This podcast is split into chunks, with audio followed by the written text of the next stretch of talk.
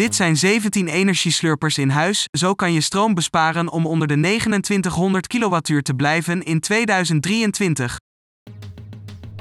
In 2023 wordt het een sport om met je jaarverbruik van stroom onder de 2900 kWh te blijven. Als dat lukt, betaal je voor stroom volgend jaar maximaal 0,40 euro per kilowattuur. Voor het verbruik boven het limiet van 2900 kWh betaal je de marktprijs van je energieleverancier. En de kans is groot dat die fors hoger ligt dan de 40 cent van het prijsplafond.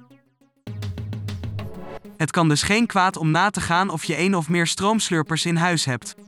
Als je daarop bespaart in het verbruik, kan dat al gauw honderden euro's per jaar schelen.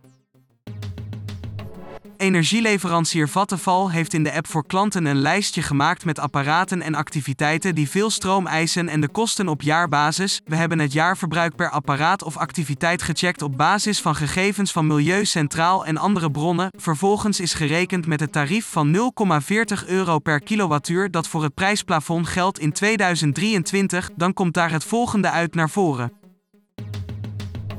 Kijk hier voor de gebruikte bronnen voor het gegeven verbruik: zwembad, jacuzzi, terrarium, kokend waterkraan, sauna, game PC, zonnebank, computer, aquarium, waterbed, airco, wasdroger, vijverpomp, terrasverwarmer, infraroodsauna, Amerikaanse koelkast, tv met plasmascherm. Het lijstje met stroomslurpers levert een paar interessante inzichten op. Zo wordt duidelijk dat huishoudens met een jacuzzi, zwembad en of vervente gamers alleen al hierdoor snel in de buurt komen van de volumegrens van het prijsplafond van 2900 kilowattuur.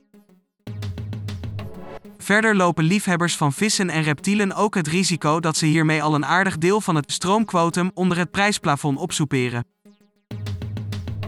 Op een wat bescheidener schermformaat tv kijken als alternatief voor het plasmascherm kan ook flink uitmaken en de was ouderwets op een rek laten drogen in plaats van de wasdroger te gebruiken scheelt eveneens in het stroomverbruik.